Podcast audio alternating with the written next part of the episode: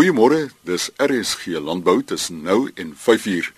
Dit kan natuurlik gehoor word op 100 tot 104 FM en dit word vanoggend aangebied vanaf Elsenburg. Chris Viljoen met inligting oor die volgende promosies op verblyf in Cape Nature Natuurreservate. Flora se geheime taal. Dis 'n boek oor die oorsprong van plantname, grondbesettings en landelike veiligheid in die Oos-Kaap en 'n skema wat bydra om studente landwyd op die regte plek te plaas in die landboubedryf. Cape Nature bied tans groot afslag op verblyf in sy natuurreservate. Kommunikasiebeampte Blanche De Vries vertel. Ons Cape Nature tans 'n 40% afslag op al ons selfsorg en kampverblyf. So luisteraars kan hierdie winter bekostig om op 'n meer gereelde basis ons natuurreservate te besoek en ook 'n bietjie langer te kuier. Ons het 'n reeks vakansieverblyf vir almal, van gesinne tot jong reisigers, avonturiers en ontspanningssoekers. Van die mees besondere buitelug uitspanplekke is in Cape Nature se natuurgebiede geleë en ons nooi almal om voordeel uit hierdie promosie te trek en 'n welverdiende winterwegkomkans vas te maak. 'n Lekker opsie vir gesinne is Vrolikheid Natuurreservaat wat tussen Robertson en McGregor geleë is. Hier het ons vyf selfsorgeenhede wat ag mense slaap Elke huis is goed toegerus. Daar's 'n binnekaggel en buitebraaigeriewe onder 'n afdak. Dan is daar ook Grootvader Bos Natuurreservaat met nuwe selfsorgeenhede, asook 'n kampterrein. Hierdie reservaat is naby Suurbrak en Heidelberg. Die nuwe eenhede, daar's 11 van hulle, slaap 4 mense en is volledig toegerus.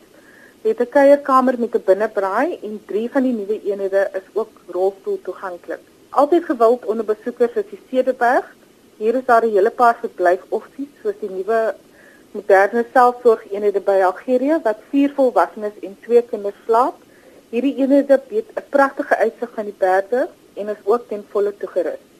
Aktiwiteite op hierdie reservaat sluit in bergfietsry, verskeie staproetes en voelkyk en ons standaard daglikse reservaatfooie is ook geldig. Ons het onlangs 'n nuwe aanlyn besprekingsstelsel bekend gemaak. So luisteraars kan die beskikbaarheid vir sekere selfsorgeenhede self aanlyn sien, 'n bespreking maak en sommer ook betaal. Hulle is ook welkom om 021 483 0190 te skakel of 'n e-pos te stuur aan reservation.alert@capenature.co.za. Vir meer inligting oor ons winterverblyftariewe, besoek gerus ook vir Cape Nature www.co.za. Blanche de Vries is kommunikasiebeampte van Cape Nature en 'n telefoonnommer vir besprekings 021 483 0190 of besoek capenature.co.za. Madine Swart het 'n boek die lig laat sien onder die naam Flora se geheime taal. Die boek bespreek plantname wat bekend is aan boere. Ek het um, navorsing gedoen oor die oorsprong van volksname vir die boek wat gaan oor die stories van ons Suid-Afrikaanse plante. En ek het 'n hele paar interessante name gekry wat veral met die landboubedryf verband hou wat ek graag met julle wil deel. So hierdie volksname vertel dan vir ons die verhaal van 'n verhouding tussen die boer en die plante wat hy of probeer tem of as veiding vir sy vee aangewend het.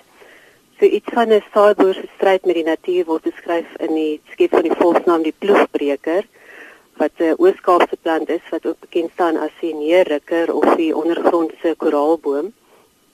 Die kateriebos het vermoedelik sy naam gekry weens die manier waarop hy teen die plante teen die kouter van 'n ploeg saamgepak het. So dit is nogal 'n ongemaklike een dink ek vir bewaringsbewustes, die plante wat so uitgeploeg word. En alhoewel ek op 'n plaas groot geword het, het ek geweet wat 'n kouter is, nie so ek was my pa vra vir my te gaan wys. Nog 'n verwysing na saaiboere is die volksnaam ploegtydblommetjie wat natuurlik nou um, onlangs geblom het. So daar's ook die stryd om oorlewing en volksname van plante wat die oorsaak van veesiektes is. Ek het ook um, in die presisie handboek gekry wat my pa meer as 50 jaar terug gebruik het um, toe hy nog by Oakdale op skool was, dis die handboek oor veesiektes deur Moenig en Veldman.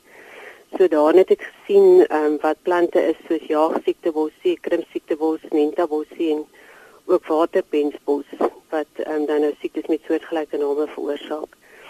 Behalwe vir die verwysing na veesiektes is daar ook onkruidname met interessante oorspronge. 'n Boer wat nie so gelukkig is dat sy naam vir ewig is in 'n volksnaam is ene Klaas Lou.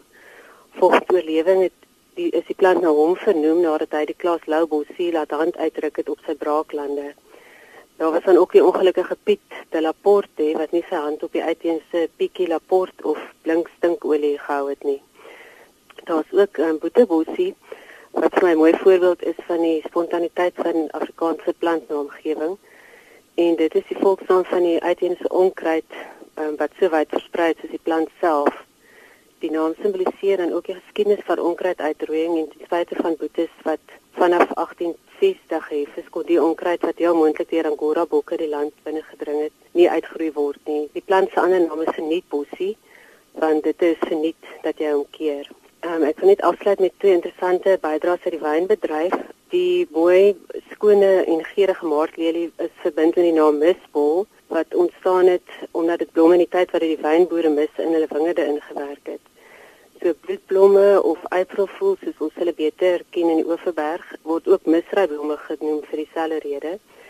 So dit is nogal vergesogte bydraes hierdie en miskien was die skeppers dalk 'n bietjie aangeklam, maar is nog steeds baie mooi voorbeelde van boere se verhouding met die veld en hoe hulle dan ook belangrike bydrae gelewer het tot die skepping van ons unieke volksname. My e-posadres is strandveldboeke@gmail.com. Skrywer Medien Swart oor haar boek Flora se geheime taal. Haar e-posadres is strandveldboeke@gmail.com.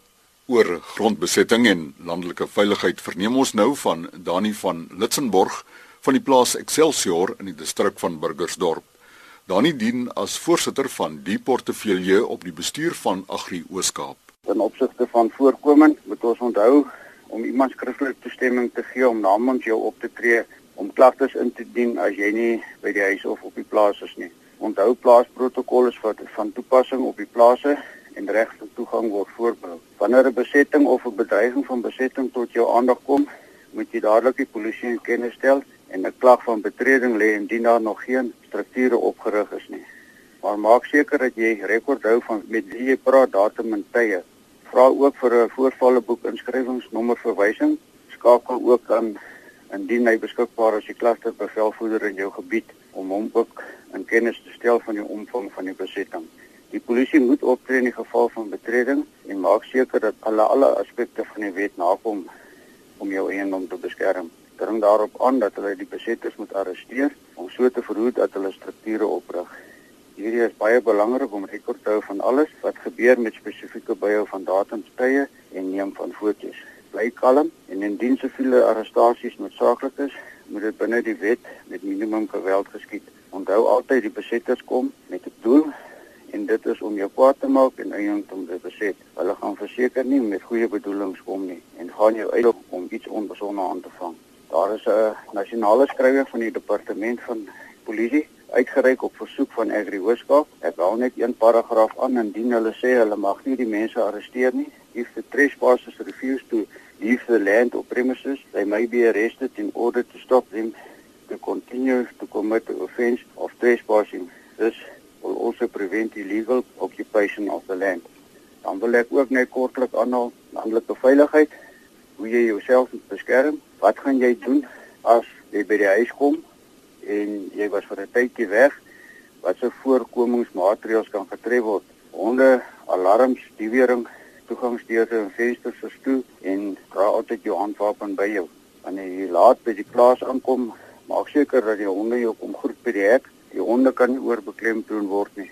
Groot probleem wat ons ondervind in opsigte van plaas aanvalle is dat ons nog steeds persepsie skep dat ons groot kontant bedrae by ons het baie van die gevalle waar daar aanvalle was, word daar in die nuusmedia gemeld dat ons kontant by ons huise het. Beskerming van jou eiendom is jou eie verantwoordelikheid en vra jouself af, wat moet ek doen om myself te beskerm en nie net op die polisie aangewese te wees ten opsigte van jou beskerming nie. Danny van Litsenborg, voorsitter landelike veiligheid en grondbesetting by Agri Ooskaap.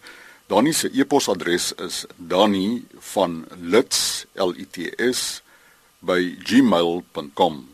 En nou gesels ons met iemand wat nog besig is om op te warm nadat hy twee dae op die koue bergrivier geroei het. 'n Skema om landboustudente landwyd op die regte plek in die bedryf te plaas. Professor Dani Brink is waarnemende dekaan van die fakulteit Agriwetenskappe aan die Universiteit van Stellenbosch. Dit was 'n voorreg om weer in die reën en in die natkoue van die Wes-Kaap um, te sien ons riviere ekologies weer aan die gang kom. So dit dit was eintlik lekker om dit te kon doen maar waar ons vanoggend gesels die universiteit en ons ander universitêre kollegas roem onsself dikwels op die aantal studente en die kwaliteit studente wat afstudeer en ook ons hier by landbou jaarliks um, by Stellenbosch omtrent 350 380 studente wat afstudeer met hulle eerste graad in landbouwetenskappe maar met die huidige wêreldekonomie en ons het nou die onlangse ekonomiese resultate van Suid-Afrika ook gesien wat ons eintlik in 'n tegniese resessie is, is dit ongelooflik moeilik vir die studente om ten spyte van goeie kwalifikasies by goed opgestelde instellings net sonder meer in die arbeidsmark suksesvol toe te tree. En ons het hier by die fakulteit landbouwetenskappe besluit om 'n betrokke inisiatief te neem. Ons het in die verband geskakel met Marihan van der Laarse wat al redelike geruime tyd in die vrugte en varsprodukte sektor werksaam is met skakeling met maatskappye, loopbaan daar um, en ook help met die plasing van studente maar in 'n klein nis rondom die vrugte en, en groente sektore in landbou het ons paar gevra om 'n vennootskap te vorm met ons fakulteit agriwetenskappe om 'n lekker interaktiewe funksionele webblad en 'n struktuur op die been te bring wat ons gaan verwys na as agro agri jobs dat ons ons studente almal op die database gaan opneem en dan baie meer proaktief as 'n skakel gaan probeer optree tussen die verskillende sektore van landbou en die verskillende industrieë en diensverskaffers om te kyk of ons nie meer doeltreffende plasing van die studente kan kry nie. Dit die beide die studente belê baie van hulle jong mens loopbaan tyd en wie hulle ook al borg ouers, die staat ander beursgewers en ook die universiteit self in hierdie opleidingsprosesse en dit is eintlik 'n groot geleentheid wat verlore gaan as 'n student wat verwagting het om die landbousektor te betree vanweë het sy gebrekkige kommunikasie ehm um, selfs of 'n uh, ekonomie wat uh, onder druk is uh, nie daai geleentheid kry nie en dan maar net terloops in in ander bedrywe verval.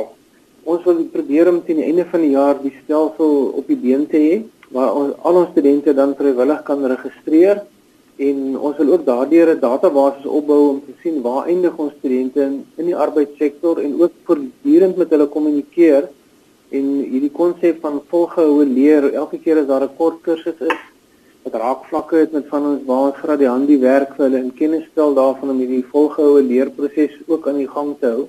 Maar wat veral belangrik is op die lig hier dis hier studente wat regtig alle geleenthede aangryp ook om hulle self te probeer finansier en vakansiewerk en internskappe um, is nie net vir hulle van belang vir praktiese oriëntering en onderrig nie, maar kan vir baie van hierdie studente ook 'n finansiële lewensaar wees om hulle self ook verantwoordelikheid te neem om hulle self bietjie finansiëel te onderhou. Ons wil ook vakansiewerk en internskap geleenthede op hierdie webwerf vir jou promoveer So dit gaan ook vir die bedrywe kans gee nie alleen net om te sê watter poste het hulle beskikbaar nie, maar ook om hulle aan te meld waar hulle in landbouopleiding wil belê deur ons beursskema te ondersteun, sowel as internskappe en vakansiewerk vir studente aan te bied om op so 'n manier beide praktiese ondervinding en die finansiële lewensvatbaarheid van hulle studiefase 'n bietjie te verhoog. So ek moet ook net erkenning gee aan aan Marihan en Monica Bason. Monica Bason tree by ons werwingskantoor op. Sy ken die omgewing daar buite en die studente profile baie goed en ek is seker daarvan ons gaan 'n suksesvolle skema kan loods. Ons wil dit in 2017 self op die proef stel met die oorgang van 2017-2018 en afhangende van ons sukses 'n bietjie skaaf van die model en dan as ander universiteite wat landbouopleiding gee Vrystaat, KwaZulu-Natal en Pretoria en ander uitnooi om ook aan aan die skema deel te neem. Dit gaan hier meer oor om die studente op die regte plekke in die industrie geplaas te kry. Dit gaan nie hier oor Stellenbosch Universiteit nie.